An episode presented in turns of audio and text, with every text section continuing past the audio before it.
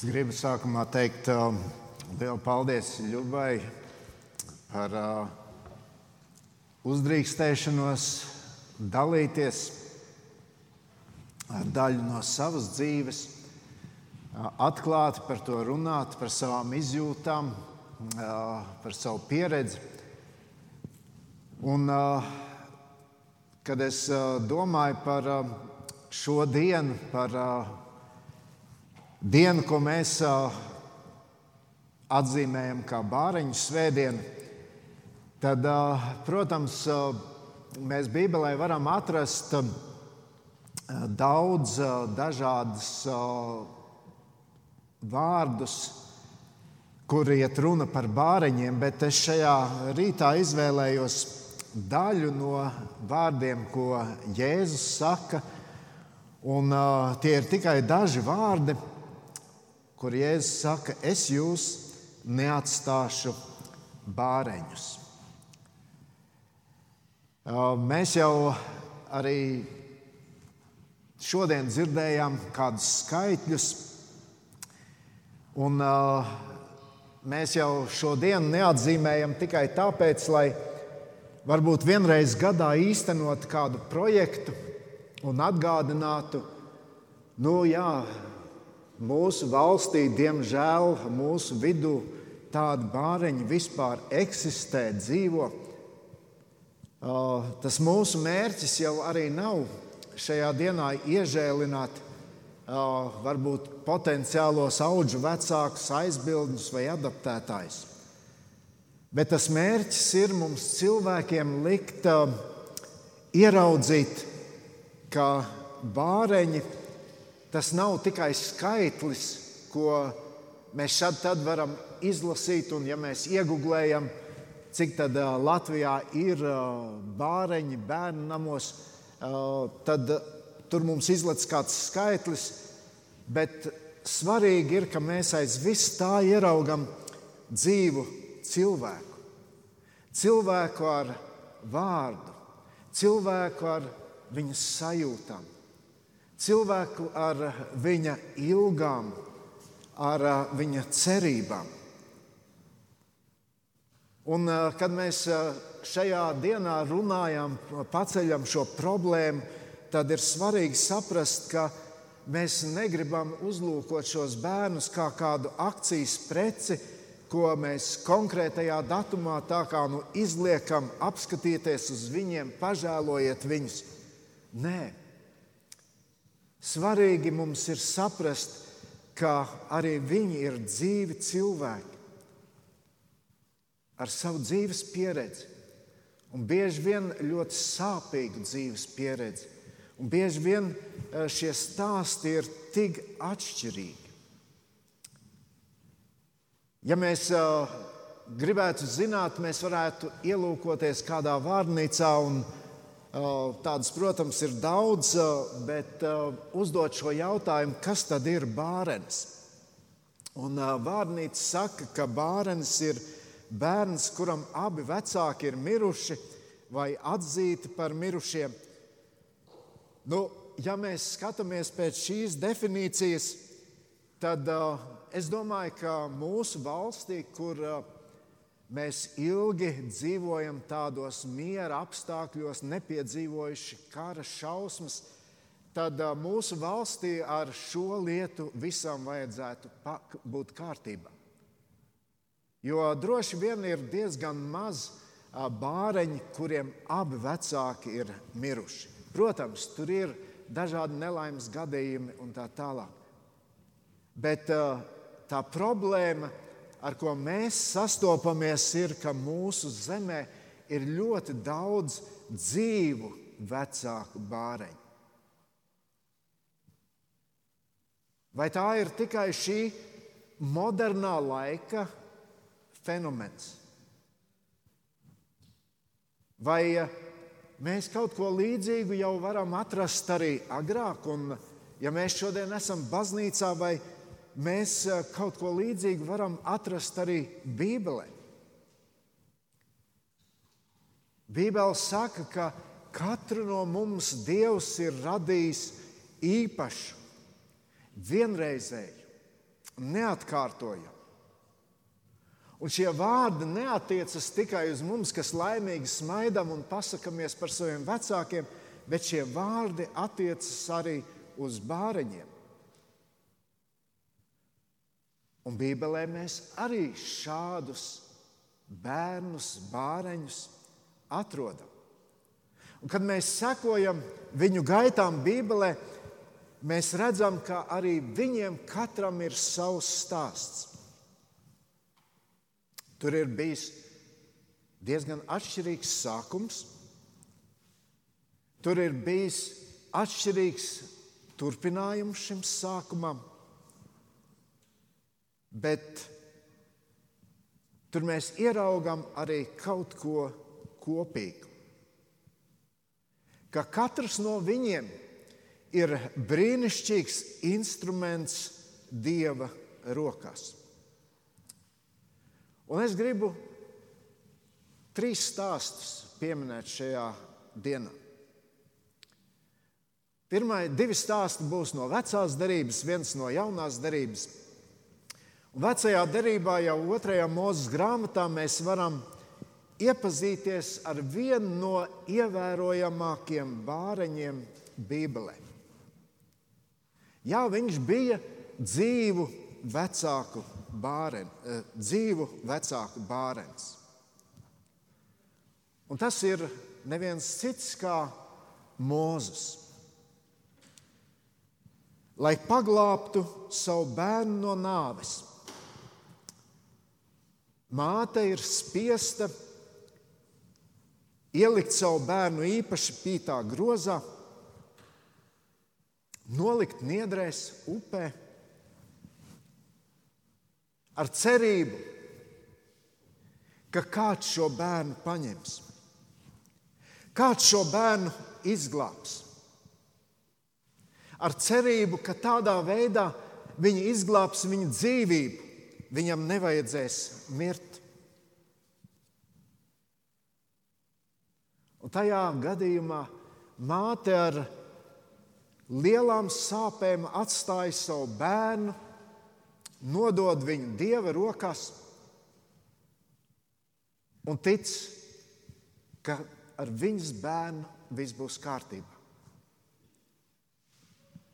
Un tur iet garām faraona meita, ieraug šo bērniņu, paņem un audzina kā savu dēlu. Mozus uzauga faraona pilī. Viņš tiek aprūpēts, viņš tiek izglītots, bauda visu, ko vien var baudīt valdnieka namā.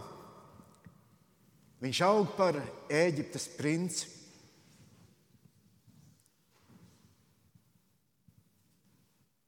Un tad no prinča dienām līdz izredzētās tautas izvešanai no Eģiptes ir kāds garāks laika posms.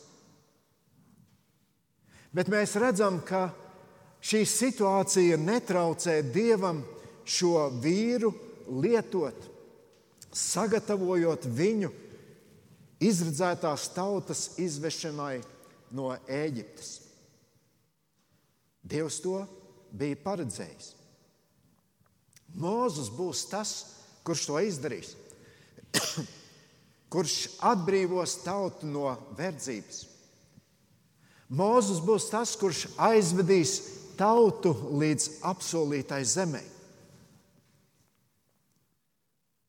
Tas ir viens stāsts, kur mēs redzam dzīvu vecāku bārenes, kas bija viņa dzīves gājums.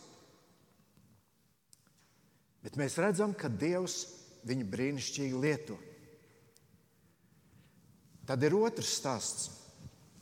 Un to mēs lasām soļu grāmatā, 11. nodaļā. Šis stāsts mums vēsta par Gileādieti Jeftu. Un par viņu ir teikts, ka viņš bija ļoti spēcīgs karavīrs.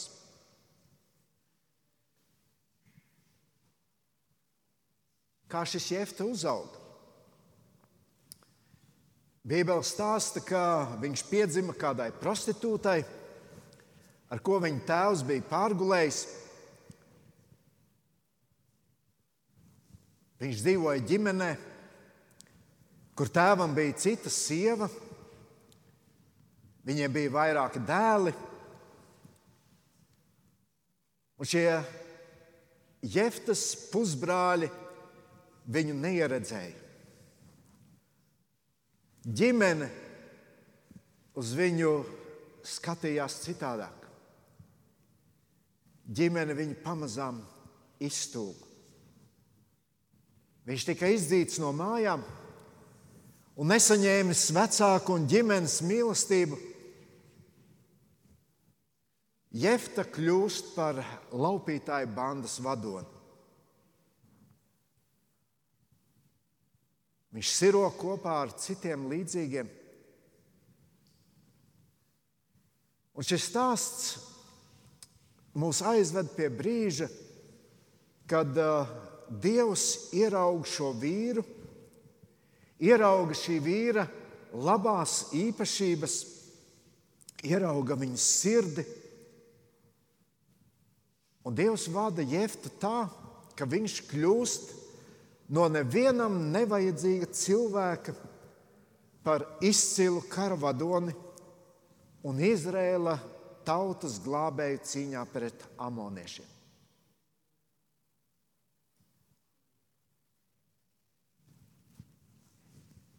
Ir vēl trešais stāsts. Un tas ir stāsts jaunajā derībā, un tas ir stāsts par Jāni Kristītāju. Cilvēks, par kuru mēs zinām, ka piedzimst mīlošu, vec, mīlošiem vecākiem, priesterim Cakarijam un Elizabetei. Mēs Bībelē lasām, ka šie cilvēki šo dēlu bija izlūguši no Dieva. Šī lūkšana viņiem prasīja ilgu laiku. Un kad Jānis Kristītājs piedzimst, tad viņa vecāki jau ir stipri gados. Viņi mīlēja, ļoti mīlēja, deva no sevis visu to labāko, bet tas laiks, ko viņi varēja veltīt savam dēlam, tas bija īss. Vecāki nomirst. Un pēc Bībeles pētnieku domām Jānis ir uzaugusi tuksnesī kādā ļaužu kopienā. Tie bija dievbijīgi ļaudis, kas Jāni Kristītāju uzaudzināja. Un lasot Dieva vārdu, mēs redzam, ka Dievam bija plāns šī cilvēka dzīvēm īpašs plāns. Viņam bija jābūt tam, kas sagatavoja ceļu Kristum. Viņš bija cilvēks, kurš sludināja grēku, nožēlas kristību. Un teica, pēc manis nāks viens, kurš būs lielāks, kurš darīs vēl lielākas lietas. Un, kad mēs domājam par šiem trīs stāstiem, tad mēs redzam, aiz visiem šiem stāstiem ir cilvēks. Un tāpat laikā mēs redzam, ka ir kāda varenāka persona, kurš visu saliek pa plauktiņiem, soli pa solim. Ir kāds, kurš dažādās ģimenēs un sabiedrībās augušus cilvēkus pārveido līdz nepazīšanai. Un tas ir varenais Dievs. Tas ir Dievs, kurš arī šodien saka, ka Viņš neuzlūko cilvēka vaigu, bet Viņš uzlūko mūsu sirdis. Un, mīļie draugi, tas vai bārenis kļūs par ķēniņu vai laupītāju bieži vien ir atkarīgs no ģimenes, kurā viņš uzaug, no vides, kurā viņš aug. Un to, kādu vidi mēs varam dot bērniem, tas ir atkarīgs no mums. Ja mēs šodien arvien biežāk par to dzirdam, un tāpēc mēs arī šo dienu atzīmējam Bāreņu svētdienu, lai atgādinātu par to, cik svarīgi ir bērniem uzaugt labvēlīgā ģimenē. Bet, ziniet, es esmu pārliecināts, ka pat tad, ja mēs šodien visus bērnus izņemtu no bērnu namiem un iedotu brīnišķīgiem un labiem vecākiem, tas, protams, nemainītu to, ka nākamajā gadā atkal daudz bērnu zaudētu savus vecākus, tiktu izņemti no ģimenēm un atkal kāda daļa no viņiem nokļūtu bērnu namos. Un tad ir jautājums, kāpēc tā notiek? Mēs varētu daudzus iemeslus minēt un plaši spriedelēt, bet es domāju, ka viens iemesls tam ir, ka šodien mēs kā cilvēki ļoti viegli prātīgi skatāmies uz tiem likumiem, ko Dievs mums ir devis. Mēs viegli prātīgi attiecamies pret Dievu un Viņa vārdu. Tas, kas mums šodien der, to mēs ņemam. Tas, kas atbilst šodienas laikam un garam, to mēs lietojam. Par daudzām lietām mēs pasakām, nu, tas jau ir pagātnē. To mēs varam droši atmest. Un viena no lietām, svarīgām lietām, ko cilvēki ir atmetuši un pēdējā laikā atkal gribas teikt, atkal to ļoti uzsver, ir tēva loma ģimene. Kaut gan šodien tik populāri ir runāt par dzimumu līdztiesību. Jā, šis laiks ir savāds. Šodien tēvs vairs nav vienīgais apgādnieks kā vecajā un arī jaunajā derībā. Šodien māmiņas ļoti labi pelna, viņas pašas var parūpēties par saviem bērniem. Protams, un to mēs nevaram noliegt, ka visos laikos bērna attīstība, attīstībā liela loma ir abiem vecākiem, gan mammai, gan tētim. Un tēvs nekad nevarēs iedot to, ko var iedot māte, un māte nevarēs iedot to, ko var iedot tēvs.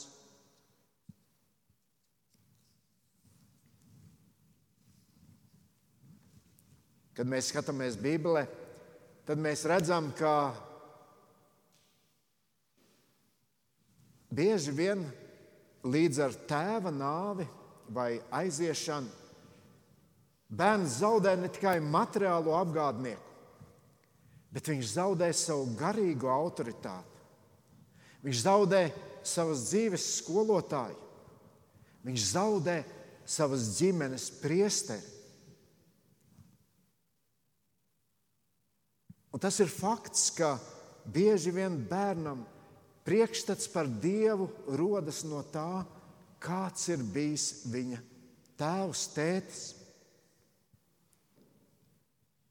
Un tāpēc, zinot, cik daudz bērnu mūsu zemē uzaug nepilnās ģimenēs, mēs pamatoti varam saukt arī mūsu tautu par bāreņu tautu.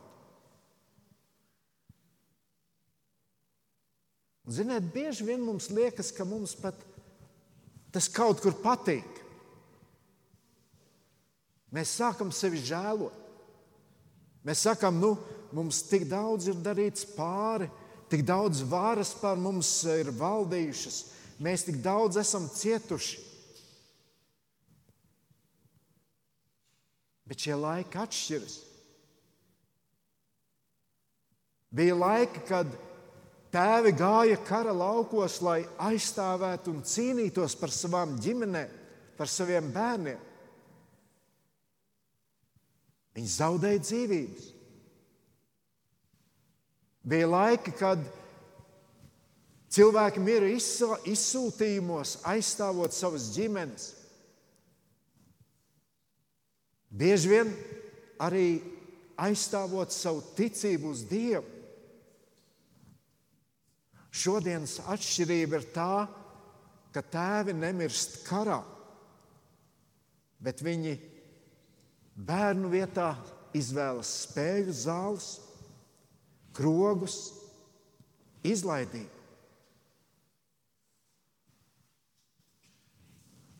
Un tad ir jautājums, vai kaut kas var mainīties.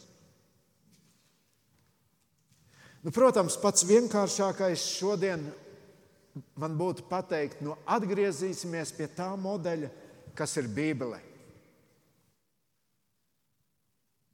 Bet, ziniet, patiesībā jau to izdarīt var tikai tad, kad mēs personīgi esam sastapušies ar Dievu. Kad mēs personīgi esam piedzīvojuši Jēzu Kristu. Pirmajā mūzes grāmatā, otrajā nodaļā ir rakstīts, tādēļ vīrs atstās tēvu un māti un pieķersies savai sievai, un tie kļūs par vienu miesu. Pirmajā nodaļā, 28. mēs lasām, un Dievs tos svētīja un sacīja uz tiem: augļojieties un vairojieties un piepildiet zemi. Ko Dievs ar to grib pateikt? Viņš grib pateikt, abi vecāki nes rūpes par saviem bērniem. Nevis atstāja tos kā nevienam nevajadzīgus. Bet ir vēl kāda lieta. Daudzreiz, it kā ārēji labvēlīgās ģimenēs, arī bērni var uzaugt kā bāreņi. Un tas notiek tad, kad vecākiem ir laika priekš visa kā cita. Tur ir virsstundas darbā, un vienmēr ir tas tāpēc, lai es rūpētos par ģimeni. Bet bieži vien bērni jūtas kā bāreņi. Ir laika priekš visa kā cita, tikai ne priekš bērniem. Un šodien bērniem tik ļoti pietrūkst šo piemēru, kuriem viņi vēlētos līdzināties. Un būt tālāk par mīlošiem tēviem un mātēm. Mīļie draugi, tas piemērs, ko bērni redz, tas palīdzēs arī viņiem novilkt tās stingrās robežas, kuri viņi savā dzīvē centīsies nepārkāpt.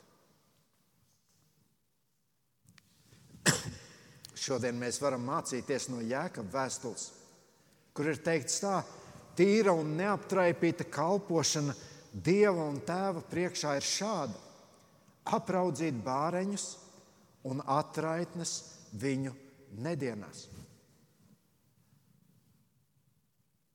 Šodien jau tā bija. Šeit bija priekšā un teica, mēs draudzē bieži vien spriežam, kuras varētu kalpot, kuras varētu iesaistīties. Te ir iespēja būt līdzās bērniem, būt līdzās šīm ģimenēm, kuri rūpējās par šiem bāreņiem. Pavadīt ar viņiem laiku kopā, dot viņiem sajust šo mīlestību un gādību, kas viņiem ir pietrūkusi. Brāļi, māsas, pirms tikām glābti. Arī mēs bijām šie bāreņi, mēs bijām šķirti no Dieva. Un tad Tēvs sūtīja savu dēlu Jēzu Kristu, lai samaksātu par mūsu grēkiem. Viņš upurēja savu dēlu, piecēla viņu no miruš, mirušiem. Viņš sūtīja svēto garu lai mēs nebūtu ne fiziski, ne garīgi bāreņi. Un es jau minēju šo teikumu, kur Jēzus saka, es jūs neatstāšu bāreņus. Viņš saka, bet es nākšu pie jums. Un šodien mēs varam būt pateicīgi, ka Viņš ir šeit, mūsu vidū.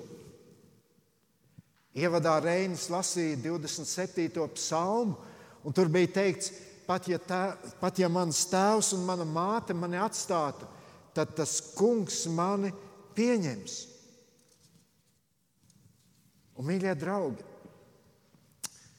mēs varam būt ar dažādu dzīves pieredzi. Mums var būt, var būt daudz gadu.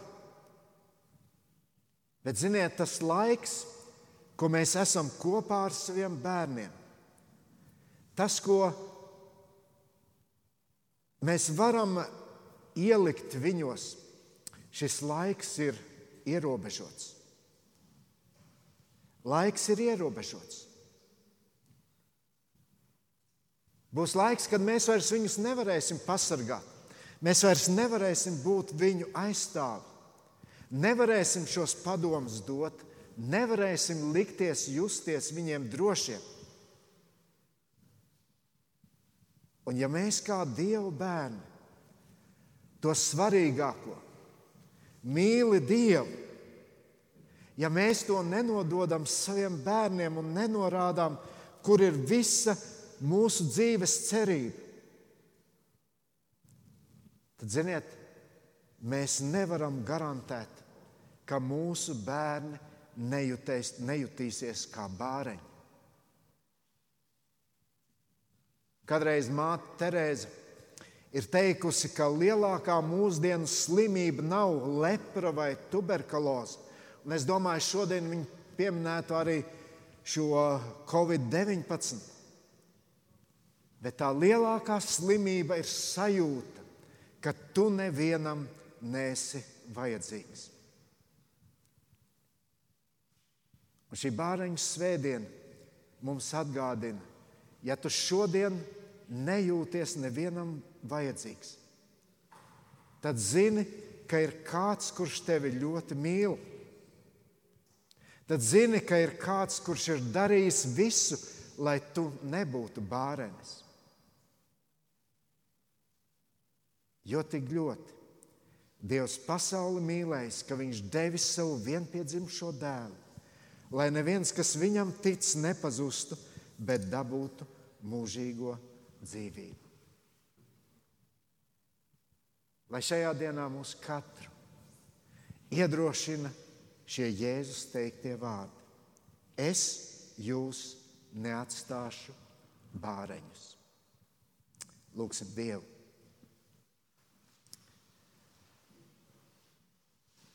Paldies, Tev, debes Tēvs, par uh, to lielo žēlastību, ko Tu mums parādi un ka Tu mums atgādini, ka mēs neesam atstāti bāreņi šajā pasaulē. Tu par mums katru esi parūpējies. Bet Dievs dod, lai šī diena ir diena, kad mēs katrs arī varētu pārdomāt savu dzīvi. Vispirms pārdomāt jau savu attieksmi pret saviem mīļajiem. Un domājot ne tikai par sevi, bet Dievs, mūs aicini domāt arī par saviem līdzcilvēkiem. Svētī mūs, lai mēs katrs varētu atgriezties tavā pirmajā mīlestībā uz tevi.